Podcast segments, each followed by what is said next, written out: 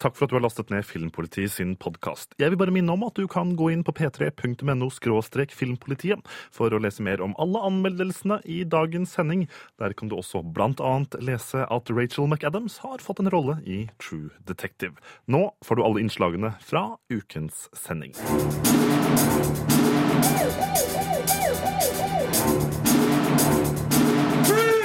Filmpolitiet! What's your name, scumbag? Rune Håkonsen, sir. I am Gunnery Sergeant Hartman, your senior drill instructor. From now on, you will speak only when spoken to. Det er fredag. Jeg heter Rune, og i løpet av de neste to timene her på NRK P3 skal jeg snakke om det morsomste du bør gjøre denne helga. Kanskje det er å sjekke ut en ny Batman-serie. Eh, Kanskje du skal knuse din argeste konkurrent i Fifa 15, eller kanskje du skal seile ut på de syv hav med Kaptein Sabeltann på kino.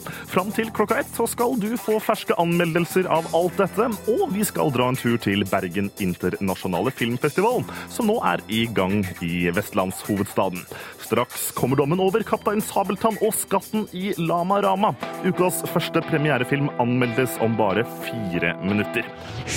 Filmpolitiet anmelder film. Vi har en skatt å finne. Endelig kjenner vi sjøveien til Lama Rama. Norske barn blir nok ikke mindre fascinert av pirater etter det her.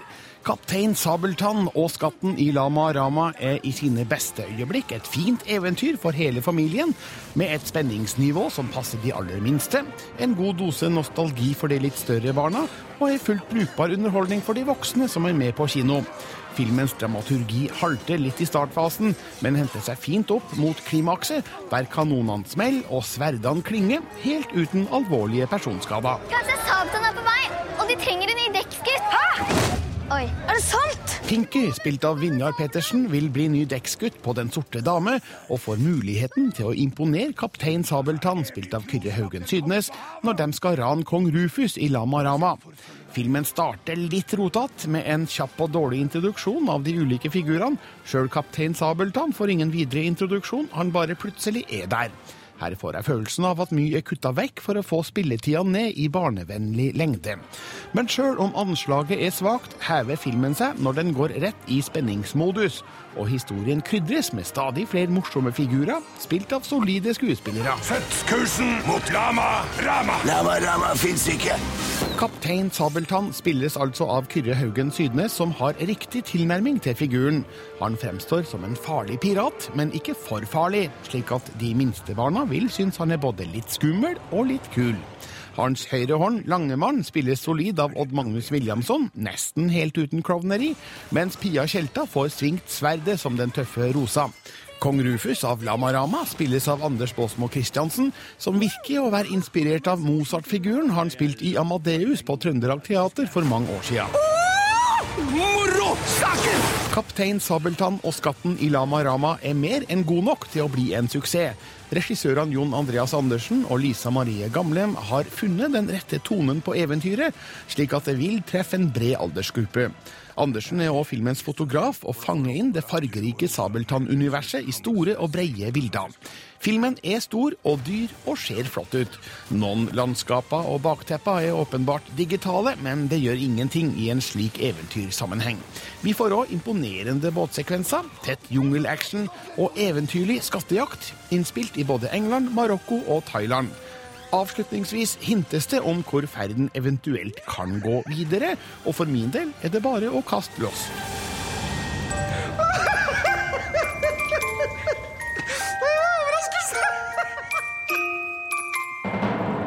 Terningkast fire. På p3.no skråstrek filmpolitiet kan du gå inn og si din mening om Kaptein Sabeltann og skatten i Lama Rama. Der kan du også se klipp fra filmen og lese anmeldelsen en gang til. Terje Formoe har i mange år vært synonym med Kaptein Sabeltann. Men i den ferske kinofilmen som har premiere i Norge i dag, er det Kyrre Haugen Sydnes som har tatt over rollen.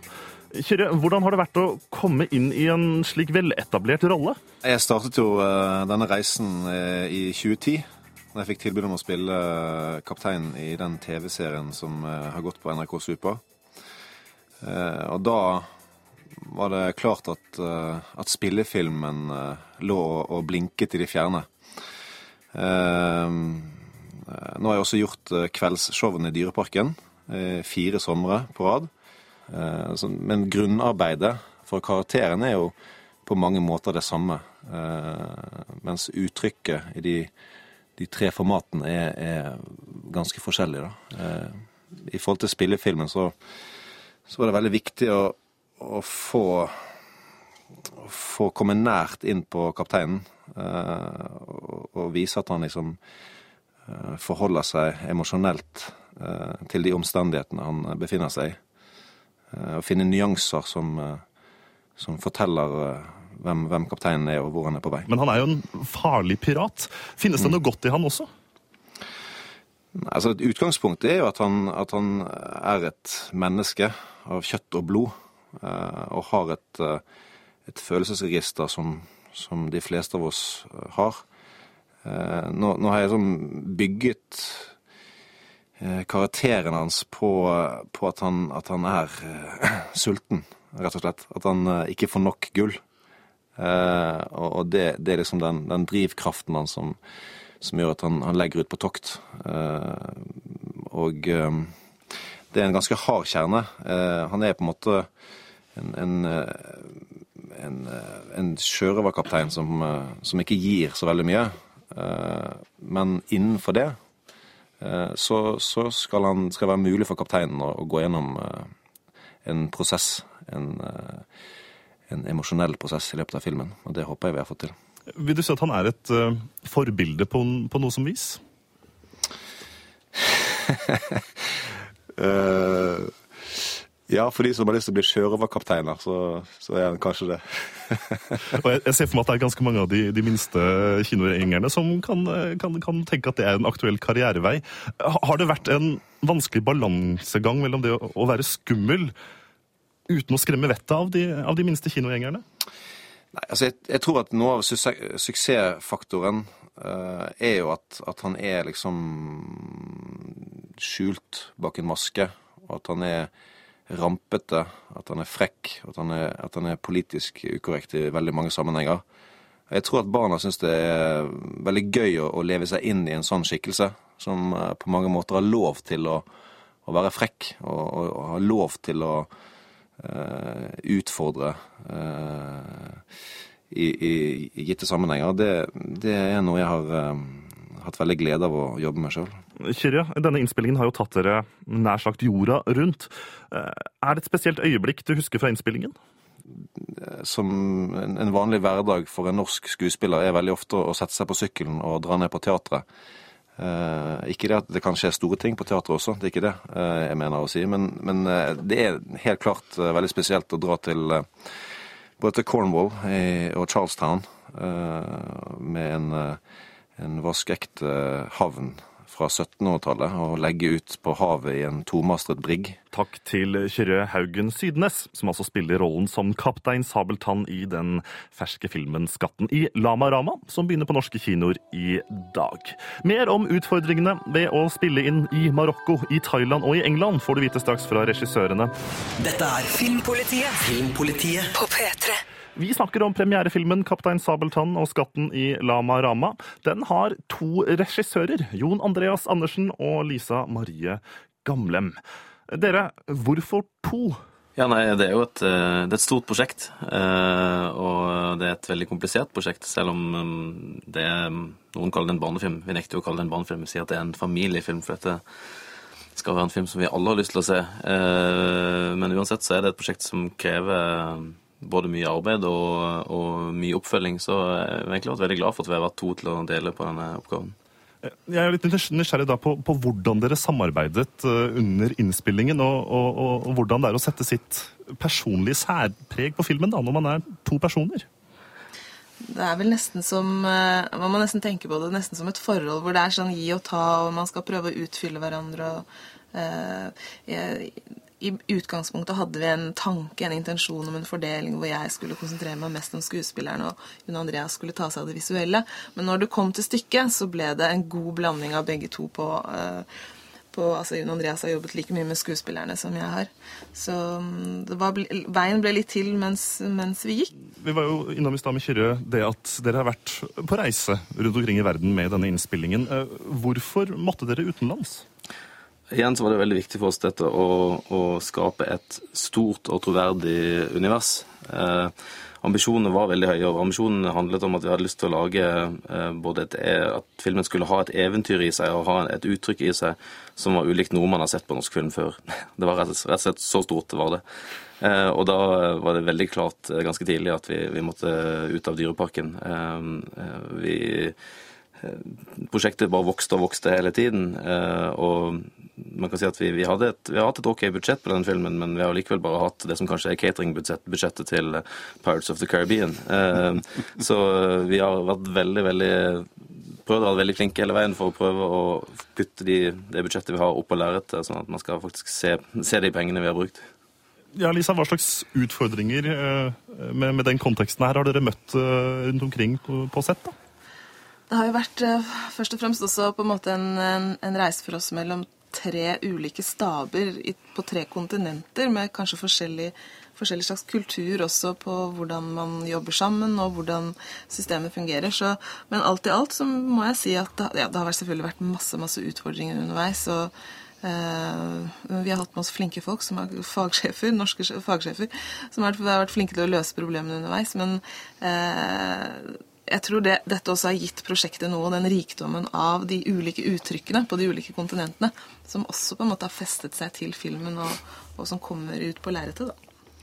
Vi har jo fått lov til å jobbe med, med både kostymører og sminkører som en, som en kunnskap som jeg vel ikke har vært borti før, i hvert fall i, i, i min karriere. og men da har man også mennesker som er vant til veldig mye mer ressurser enn det vi har. Altså Som et eksempel så kan jeg si at vi, vi har jo en del ganske store fektescener i slutten av filmen som jeg er veldig fornøyd med hvordan de har blitt. Men eh, når vi viste manus til disse scenene til en, eh, til en engelsk stuntkoordinator, eh, så sa han ja, dette er helt topp, dette kan vi fint få til på, på tre uker. Og så sa jeg men problemet vårt er at vi skal filme dette på to og en halv dag. Eh, og der har du den norske filmvirkeligheten som vi måtte forholde oss til. Men, eh, men allikevel så har vi måtte, klart å, å ro det i land, føler jeg. Takk til deg, Jon Andreas, og til deg, Lisa. Dere er altså regissørene bak 'Kaptein Sabeltann' og 'Skatten i Lama Rama'. Birger Vestmo sin dom det ble terningkast fire. Du som hører på, kan se klipp fra filmen og si din mening på p3.no filmpolitiet. Vi skal straks videre til Frankrike øyeblikket i en av ukens andre aktuelle premierefilmer. Filmpolitiet anmelder film. C'est bizarre comment tu nages. C'est rien de bizarre, c'est une nage de combat. Une quoi? Une nage de combat, laisse tomber. Bah putain, si c'est ça les meufs cet été, merci et vive la France. Hein. Den franske dramakomedien De kjempene er en kommentar til hvordan det er å være ung i en verden med usikre fremtidsutsikter. Dette er en fin historie om to ungdommer som finner hverandre, men det er ikke noe vi ikke har sett før. De kjempene starter i en rolig kystby i Frankrike, der Arnaud, spilt av Kevin Azei, bor og jobber som snekker i familiens firma, mens han prøver å finne ut av hva han vil med livet sitt. En dag når han tilfeldigvis blir med i en selvforsvarsgruppe som trener på stranda, blir han slengt i bakken av guttejenta Madeleine. Egoet får en real knekk. Men samtidig blir Arnaud nysgjerrig på denne mystiske jenta. Det skal vise seg at Madeleine er mye mer målretta enn Arnaud når det kommer til hva og hvor hun vil i livet. Hun er fast bestemt på å bli fallskjermjeger i Forsvaret, for der vil hun lære alt hun trenger for å overleve når apokalypsen inntreffer. Og det er hun helt sikker på at den vil gjøre. Moi, je reste pas en France, je me dis pas ici, c'est mort. Je pas peur du chômage de la crise. Il y a bien pire qui se prépare. Hein. Madeleine, spilt av det franske stjerneskuddet Adele Henel, er en merkelig jente som brenner inne med mye aggresjon, og som stiller seg i opposisjon til alle normer og regler i samfunnet. For Arnaud betyr dette bare at hun er utrolig spennende, og når Madeleine verver seg for en sommerskole for ungdom hos Forsvaret, slenger han seg med for å få være sammen med henne. Når Forsvaret viser seg å ikke være akkurat slik Madeleine hadde håpet på, stikker de to imidlertid til skogs, der de kan sette sine overlevelsesevner på prøve. men det later som om de er de to siste menneskene igjen på jorda. Ça dépend du régiment que tu veux en fait. Moi celui que je veux c'est un des plus durs, donc ils prennent pas n'importe qui. Fordi Madeleine er så aggressiv og ser på alt som en konkurranse, er det aggresjon og ikke kjærlighet som ligger i lufta mellom de to ungdommene. Og det blir også grunnlaget for en intens seksuell spenning som bygger seg opp mellom dem. Filmen er saktegående, med lange scener og dvelende kameraføringer, og det virker som om regissør Thomas Cayley er mer opptatt av å la publikum kjenne på spenningen mellom de to hovedrollene enn å fortelle selve handlingen. Selv om spenningen er intens og lager en fengslende atmosfære, hadde filmen dratt fordel av et manus som utforsket rollefigurene i større grad, og fortalte historien i et raskere tempo. Surprise. Bah, Qu'est-ce que tu fais là Bah, je viens faire le stage comme toi. Fortellingen om to unge mennesker som stiller seg på utsiden av samfunnet, er ikke ny. Men Thomas Cayleys versjon er likevel interessant. I en verden med økonomisk ustabilitet og uklare fremtidsutsikter er filmen svært relevant for mange unge mennesker. Og Thomas Cayley forteller historien med et glimt i øyet. Samspillet mellom Adele Hennell og Kevin Azai gjør filmen verdt å se, men ikke forvent deg en banebrytende fortelling om dagens ungdom. Da vil du bli skuffa. On fait quoi On reste à l'affût. Sur nos gardes. Terningkast fire. Bergen internasjonale filmfestival, forkortet som BIFF, arrangeres nå for 15. gang. Den åpnet på onsdag og viser totalt 160 filmer over 550 forestillinger på hele åtte dager. Dette mener festivalsjef Tor Fosse gjør BIFF til Norges største filmfestival. Nei, vi, jo, vi erter jo litt Tromsøfestival, for de mener at de er størst. For de har hatt, hadde 56 000 i publikumstall sist, og vi hadde 53 men nå tror jeg vi slår det også på publikumssiden. Men grunnen er jo det at vi har så utrolig mye større program enn de har i Tromsø så, og, og i Haugesund. Altså 160 filmer, 550 forestillinger på åtte dager. Det er ren galskap, men det er det vi gjør. Hvorfor er det viktig å være størst? Det, det er viktig Jeg syns Vi er jo bergensere. Vi skal jo selvfølgelig være, være best og, og, størst. Og da um, men det har jo også noe med at du, du hyper det på den måten. At du sier at vi er størst, og kom til oss og se alt vi har å by på. Eh, sponsorene liker det, og kanskje media liker det også. Men nå sitter jeg her med lommeprogrammet til Biff i min venstre hånd. Og her ser vi fargekoder for de forskjellige filmvisningene. Det er jo da rundt 30 ulike filmprogrammer her. Du har internasjonal kortfilm, Nordic Voices, musikk og film, midnattsfilm, ung film extended, kortreist film, naturkick osv. Er det en smart strategi å drukne publikum i, i ulike filmkategorier? Nei, det, det, er ikke det vi gjør da. Det vi, det vi tenker det er at vi har mange forskjellige målgrupper. Og Noen er opptatt av ekstremsport, og andre er opptatt av uh, film som kunst. Og så er det ungdommen da, som har sitt eget program. Sånn at Vi tenker veldig målgrupperettet. da, sånn at um, De blir ikke forvirret, de som skal se ekstremsportfilmene. De kommer for å se de, og så ser de ikke noe stort mer enn det. De som har grunn til å være forvirret, er jo min stab, som må henge i med alt dette her. Men um, vi klarer nå det på et vis, det òg. Du er ikke redd for å forvirre publikum, da, som kanskje ikke har det helt enkelt med å få grep rundt hva biff egentlig er? Jo, men altså, Det er litt av det som er festivalstemningen. Det er når du blir veldig frustrert. og du, ikke, du vet du må velge. Du vet du må velge bort noen ting, og så er det noen ting du velger. Og, som, og da håper på at du har valgt rett. Da, da har du virkelig kommet til festivalstemningen. Så Det er det vi prøver å få til også. da. En viss frustrasjon, ja. Men blant det utrolige utvalget av forskjellige filmer under årets Biff, er det noen filmer som ligger festivalsjefens hjerte nærmest? Ja, nå må jeg være litt forsiktig, for jeg er også distributør av noen av filmene. Så jeg må jo bare advare. Men altså, det er klart at jeg har jobbet mye med Bjørnøya-filmen til Brødrene Vegge. Og, men det er klart at det er en dokumentarfilm. sant? Og spillefilmene så er det veldig mye å velge mellom. 20,000 Days on Earth er en film som har fått veldig mye oppmerksomhet filmen om Nick Cave. da. veldig mye bra. Blant annet så er det en Bollywood-film på programmet som jeg syns er veldig morsom, som heter 'Highway'. Som, som ikke kommer på kino. Så det um, håper, håper at folk får med seg. Vi skal vise den sammen med uh, Ulrik sin film 'Haram' som avslutningsfilm. Så da blir det Bollywood og Pakistan. Og det, det kan bli en interessant kombinasjon. Det sa festivalsjef Tor Fosse til reporter Birger Vestmo.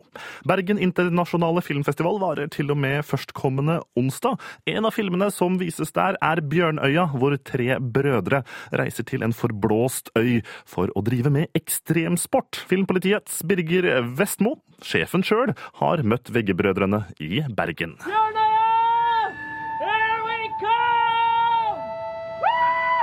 er ikke en sånn øy man kan kjøpe en billett til og hoppe på en båt eller et fly. Vi hadde en drøm om å ta en tur sammen, vi brødrene. En skikkelig tur. Hvorfor reise til Bjørnøya? Ja, hva skal vi si? Hvorfor ikke reise til Bjørnøya? Vi ville, vi ville sette av tid. Det var utgangspunktet. Sette av tid til å leke med disse aktivitetene som vi har det så gøy med. Og så fant vi en liten øy som er gøy. Da kan vi utforske hele øya, bli kjent med den. Det gir en god eh, eventyrfølelse. Og vi trakk nordover, kanskje fordi vi er glad i vinterfriluftsliv, glad i snø og kaldt vann. Men var det ideen om film som var først, eller var det turen? Jeg tror det med film kom ganske naturlig, eller var tidlig, fordi også fordi jeg var akkurat ferdig med min forrige film, 'Nord for sola', eh, som hadde gjort det veldig bra. og det var jo, Vi måtte lage en, lage en ny film og kombinere det også med denne drømmen om den lange turen som vi brødrene skulle gjøre sammen. Det må jo finnes bølger på øya. Det er jo åpent hav i alle retninger. Men er de surfbare? Vi måtte se oss over skulderen for isbjørn, og vi skulle ikke skade oss. Men å lage film ute i ødemarka, virkelig, det er jo en utfordring. Hvordan planla dere det tekniske rundt dette? Det blir en annen type tur når man hele tiden skal ha kamera, og, og viktig å fange situasjoner der og da. Hele tiden være på hugget. Mm. Hva slags utstyr eh, måtte dere ta i bruk? Vi, jeg valgte et lite kamera, så hadde sånn Sperreflex 5D-kamera som vi filma så å si alt med. Og så hadde vi også med sånne små actionkameraer for å dekke inn eh, kule vinkler. Og virkelig sånn der og da, hvis man hadde noe i hodet som man hadde lyst til å formidle, så kunne man bare ta opp kameraet når som helst. Det hadde vi alltid på innerlomma.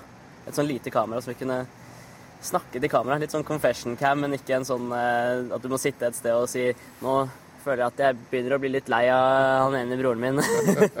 men heller liksom uttrykke gledene og tankene vi har.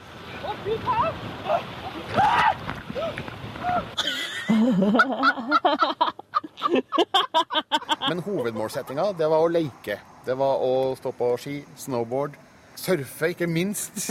Men, eh, men eh, hva var det som gjorde at dere trodde dette var et bra sted å gjøre alt dette på? Først og fremst eh, for meg er det å ha tid, og ikke bli forstyrra av andre ting enn det man vil gjøre. Og Bjørne er et veldig bra sted for å ha tid. Og så er det en, det er en øy midt ute i havet. Åpent hav i alle retninger. Det er det som må til for at det blir surfebølger. Det er ikke bare vind der og da, det er dønninger som kommer langveisfra. Her var det mange muligheter for det, så vi visste jo ikke, men det er sånn, litt som gir en eventyrfølelse òg. Hvis vi finner noe, så er det veldig gøy, da. Det her sier jeg bare én gang, dere.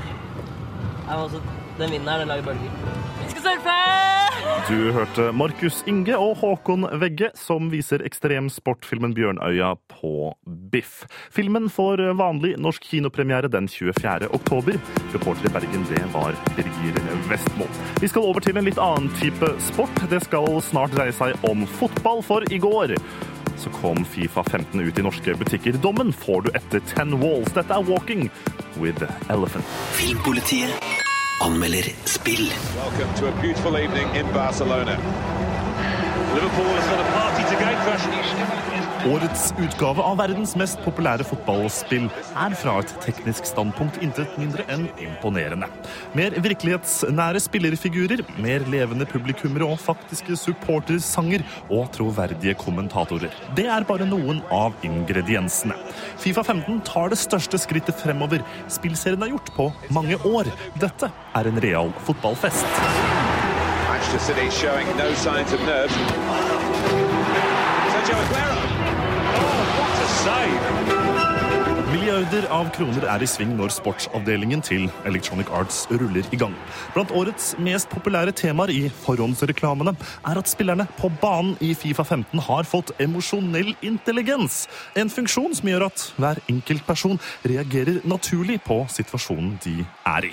I en av mine mange kamper med Odd Grenland gjorde denne funksjonen seg uventet gjeldende. Herolin Sjala jogget i lav fart på vei opp midtbanen etter å ha vunnet ballen i en duell, og dro henne over hodet for å signalisere at taklingen ikke eh, kvalifiserte til et eh, frispark. Frode Johnsen var på vei opp for å posisjonere seg for et angrep, og alt så ut til å gå rette veien. Goyeye Mansour fra det saudiarabiske laget Higher Club benyttet øyeblikket da Shala holdt hendene over hodet og var distrahert til å snappe ballen og gikk rett i motangrep. Spillerne gjør med andre ord flere feil enn tidligere under press. Samtidig er dette balansert ved at det skjer få feil i resten av spillet. Vekslingene mellom uventede øyeblikk og stabile perioder øker opplevelsen av at du styrer en faktisk fotballkamp. Great chance, got to be. And it's in the net, and it's Barcelona who score. Dette merkes også godt hos målvaktene, men her er ikke opplevelsen like positiv.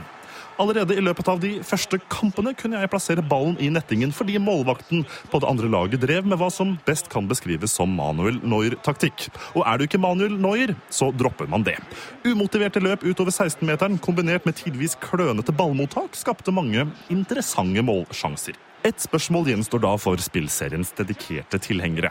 Er Fifa 15 et bedre spill enn Fifa 14? Ja og nei. Uh. Endringene i Fifa 15 er så markante at noen kanskje vil føle seg fremmedgjorte. Svakheten hos målvaktene eller menneskeliggjøringen av dem om du vil, kommer til å dele Fifa-publikummet. Men fundamentet spillet bygger på, er mer solid nå enn noensinne. Følelsen av å putte ballen i mål er med andre ord fortsatt svært tilfredsstillende, og når Electronic Arts skryter av å ha laget tidenes fotballspill, ja, så er jeg langt på vei enig. Well, let's see that again. Yeah, just get any prettier. Fifa 15 nærmer seg også manager-funksjoner til Football Manager-serien. Du kan ta kontroll over ditt favorittlag eller følge karrieren til en enkelt spiller og spille deg mot verdenstoppen. Kontinuerlige oppdateringer av spilleres virkelige formkurver, informasjon om ditt valgte lags faktiske kamper og tabellplasseringer, ja, det knytter hele fotballopplevelsen sammen. Og med lagspill over nett kan du sammen med venner virkelig samarbeide for å ta ditt lag helt til topps. Med dette spillet viser Electronic Arts sin sportsavdeling muskler og demonstrerer at de virkelig kan når de vil. NHL 15 bar preg av mange manglende funksjoner. Det samme er ikke tilfellet i Fifa 15. Fotballopplevelsen på neste generasjons konsollene Xbox One og PlayStation 4 samt PC er nærmest komplett. La fotballfesten begynne. You just can't write scripts like. Terningkast fem. Gå inn på p3.no skråstrek filmpolitiet, finn anmeldelsen min der, og, og fortell meg hva du syns om Fifa 15. Allerede så er det over 40 kommentarer, og diskusjonen er godt i gang. Jeg vet ikke alle som er enig med meg at uh, Fifa 15 fortjener terningkast 5, men altså, jeg, jeg vil høre hva du mener. Filmpolitiet anmelder film. Skal du ned på kiloseminar i Paris til uken? telle atomene istedenfor å veie dem. Det er din generasjon, det, vet du. Hvor mye veier en sjel? Det er ett av spørsmålene som stilles i årets norske Oscar-bidrag 1001 gram. Man kan like godt spørre hvor mye en film veier. I dette tilfellet er svaret ikke så mye, fordi vi har å gjøre med en sjarmerende lettvekter. 1001 gram er like snodig og lettskrudd som den er udramatisk, og har det ikke travelt med å fortelle sin historie. Lar man seg lokke inn i dette universet, er filmen en fin, liten raritet, med et skjevt blikk på tilværelsen sett gjennom regissør Bent Hamers øyne. Du er jo klar over at uh, du skal ha med deg kiloen vår til uh, Paris? Marie, spilt av Ane Dahl Torp, jobber for Justervesenet og må dra på et kiloseminar i Paris når faren Ernst, spilt av Stein Winge, blir sjuk. Hun tar med Norges offisielle prototype av en kilo for å få den kontrollveid, og vi blir introdusert for et pussig miljø som jobber med ting vi kanskje ikke har tenkt særlig over at noen faktisk må gjøre. Men ved sida av telling, veiing og måling snubler Marie over noe som ikke lar seg registrere så lett, nemlig kjærligheten. Tout en référence de la vie. J'étais en miettes. Bent Hamer har også tidligere skildra spesielle yrkesgruppers hverdag, som f.eks. For forskeren i Salmer fra kjøkkenet og togføreren i O. Horten. Nå er det vektmålere fra hele verden som er i Hamers fokus, og han serverer oss mange morsomme særtrekk. Men den milde humoren over kiloseminarets pussige tema mister sin styrke etter hvert, og Hamer bruker kanskje litt for mye tid på det. I stedet skulle jeg gjerne sett mer av Pi, spilt av Laurent Stokker, for en bedre forståelse av hvorfor Marie trekkes mot han. Forholdet deres får ikke stort nok spillerom til at engasjementet blir så stort som ønskelig, men det glir heller ikke over i kristen romantikk. Filmen inneholder fine kontraster med Maries tilmålte liv med rene, skarpe kanter på den ene sida, og Pi på den andre, som lytter til fugler og får blomster til å gro. Han har åpenbart en funksjon for tilknappede Marie, som tilsynelatende har skrudd av sitt følelsesliv etter et havarert ekteskap. Man determines the definition of weight, but it's equally important to understand what the definition of weight does to man. Det hele er fantastisk filma av dyktige Jon Christian Rosenlund, både fra et skyprega Norge og et solbada Paris. Og ja, Eiffeltårnet er sjølsagt med. Jon Erik Kova har komponert fin musikk som underbygger historiens merkverdigheter. Og Ane Dahl Torp spiller godt og kontrollert som den detaljfokuserte dama som er i ferd med å miste kontrollen. 1001 gram er kanskje ikke vektig nok til å bli Oscar-nominert, men Bent Hammers tilhengere har fått nok en finurlig film å hygge seg med. Terningkast fire. Anne Dahl Torp har vært et kjent ansikt i norsk film i over ti år. I filmer som 'Kvinnen i mitt liv', 'Gymnaslærer Pedersen', 'Uro' og 'Lunsj'. Men hun har aldri spilt en hovedrolle før nå i 1001 gram. Her spiller hun Marie, en stille og forsiktig vitenskapskvinne som ligger ganske langt unna Dahl Torps egen personlighet. Akkurat det syns hun er befriende. Ja, eh, Det er jo egentlig heller mye På mange måter veldig mye deiligere å spille noen som er litt langt unna en selv. Fordi eh, man blir jo litt kvalm av seg selv, lett. Eh, du vil ikke være med på det?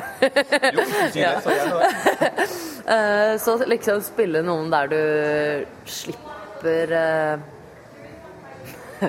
det som man vet at det er sin, eh, kan være da, sine egne forbaska karakteristika, som man liksom hører fra innsiden av hodet dagen igjennom. Veldig deilig å slippe det. Og interessant, liksom. Jeg må jo finne det i meg, da. Man kan ikke liksom bare bestemme seg for en funny walk eller eh, et eller annet sånt. Det må jo liksom komme fra innsiden. Og så syns jeg alltid det er litt gøy det der med å prøve å få til at Eller å akseptere at rollen ser ut som meg. Eh, og så kan man jo gjøre sånne små ting sånn Maria har veldig glatt hår, mitt hår det eh, bruser seg lett opp eller det blir lett stort av liksom noen sånne ting.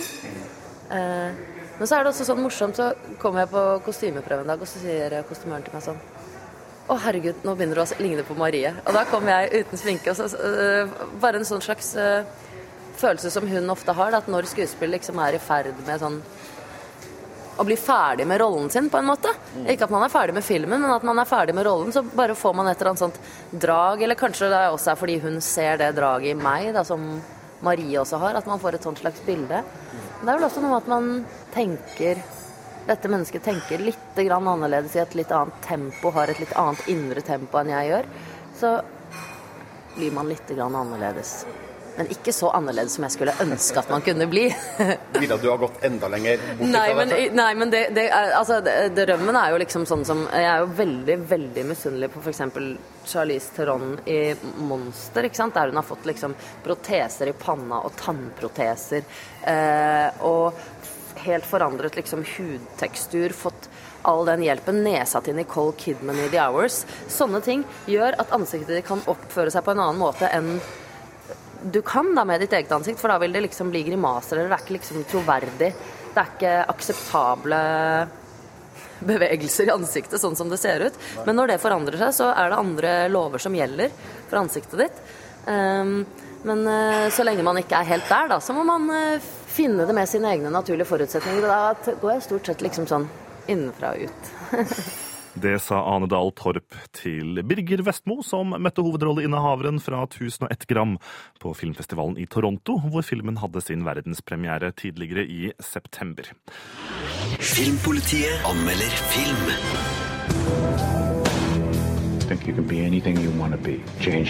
Denzel Washington er rettferdighetens harde hånd i The Equalizer. For første gang siden Training Day har han jobbet med regissør Antoine Foucault og resultatet er en tøff og brutal actionthriller som ikke er for sarte sjeler. Yo, Pop, bet you didn't have to push no dollars at your old job, did you? Guilty as charged. Enkemannen Robert McCall, spilt av Denzel Washington, lever et rolig liv. Han jobber på sin lokale Homart, spiser middag alene og drikker te på kafeen ved hjørnet. Robert elsker å hjelpe andre, og når han møter den unge jenta Terry, spilt av Chloé Grace Moretz, som er tvunget ut i prostitusjon av noen russiske gangstere, klarer han ikke å la være å hjelpe henne. The Equalizer lar oss raskt forstå at Robert er mer enn han gir seg ut for å være.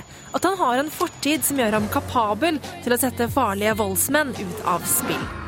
Når han tar knekken på bakmennene som styrer Terrys liv, får det imidlertid større konsekvenser enn han hadde regna med, og han tvinges til å hente frem sider ved seg selv han trodde han hadde begravd for godt. I. Denzel Washington sjonglerer rollen som empatisk medmenneske og kaldblodig drapsmaskin på en mesterlig måte. Robert er rå og hensynsløs i sin jakt på rettferdighet. Han gir alltid skurkene en sjanse til å bøte for det de har gjort, men er nådeløs når de ikke gir seg. Filmens voldsscener er brutale, men godt utført. Og Denzel Washington får virkelig vist hvor tøff han er.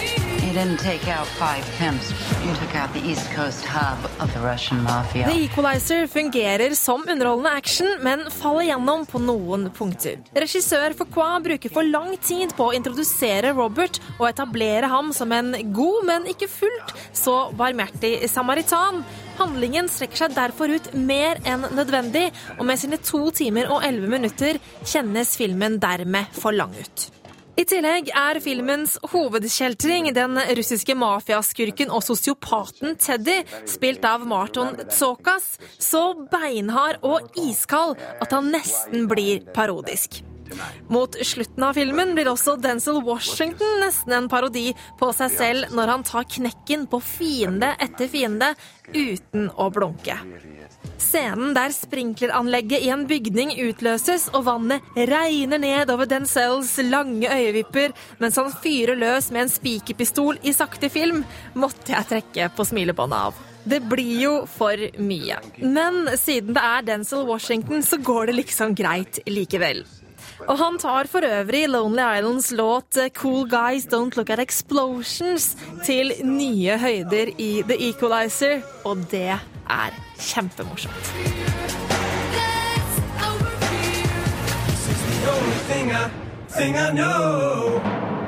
Terningkast fire. Hei, Marte. Hei. Hvordan står det til denne fredagen? Det står strålende til. Glad for at det er helg. Og akkurat nå i Filmpolitiet skal vi snakke om eh, superhelter. Filmpolitiet anmelder TV-serie. Citizens of Gotham, we will not, we cannot let these killers and these robbers and these rapists and these thugs win. Not on my watch. There is a war coming. A terrible war. There will be chaos. Rivers of blood in the streets, I know it. You killed people before. That was war. This is war. We're at war.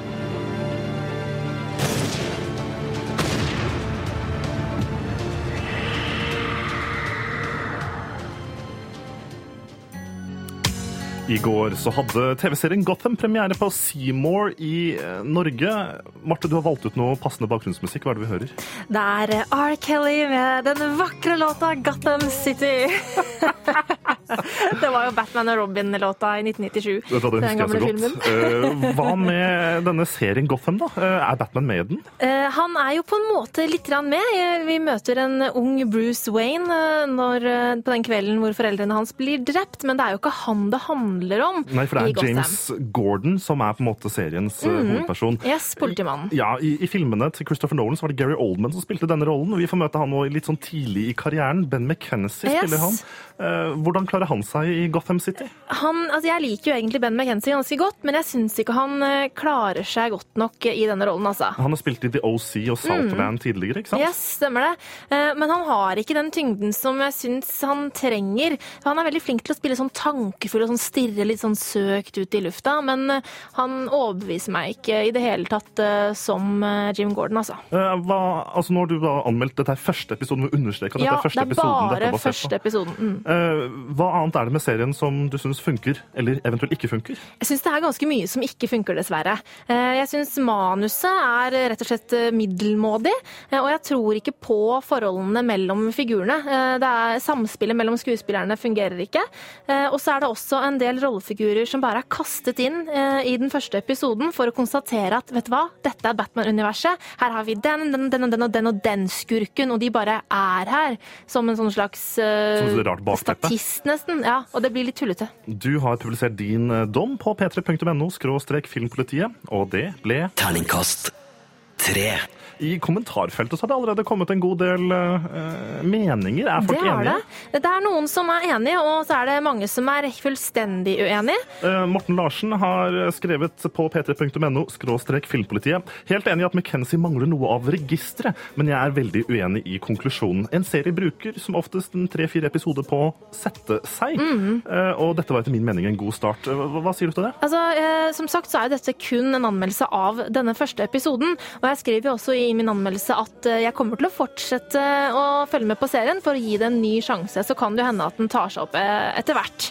David Børresen skriver ja, ganske tamt, ja. Og mange, som mange piloter ser flere av settene ut som de er rasket sammen på Ikea. Mm. Eh, Det var vel et litt problem at det var litt sånn forvirring rundt er det 70-tallet, er det i dag? Ja, jeg øh, syns jo det, men så er det jo mange tegneseriefans som sier at ja, men det er jo sånn som det er i Batman-universet, at det var denne slags art deco-byen hvor det var gamle klær og, og, og moderne teknologi, men øh, da er det ikke nok moderne teknologi her. Altså, at du ser ut som du er fra 70-tallet, men har en mobiltelefon. Det blir litt rart for meg. Du som hører på, kan si din mening om Gotham på våre nettsider p3.no filmpolitiet. Marte, du ga terningkast tre. Jeg syns vi må bare ta med oss et lite minutt av R. Kelly, Gotham City. Jeg minner om at eh, du som hører på, kan gå inn på p3.no når som helst for å lese våre anmeldelser og se klipp fra alle seriene, spillene og filmene vi har snakket om i dagens sending. Jeg heter Rune Håkonsen og sier god fredag! Filmpolitiet. Det nyeste fra film, spill og TV. Hver fredag fra 11 til 1. På P3.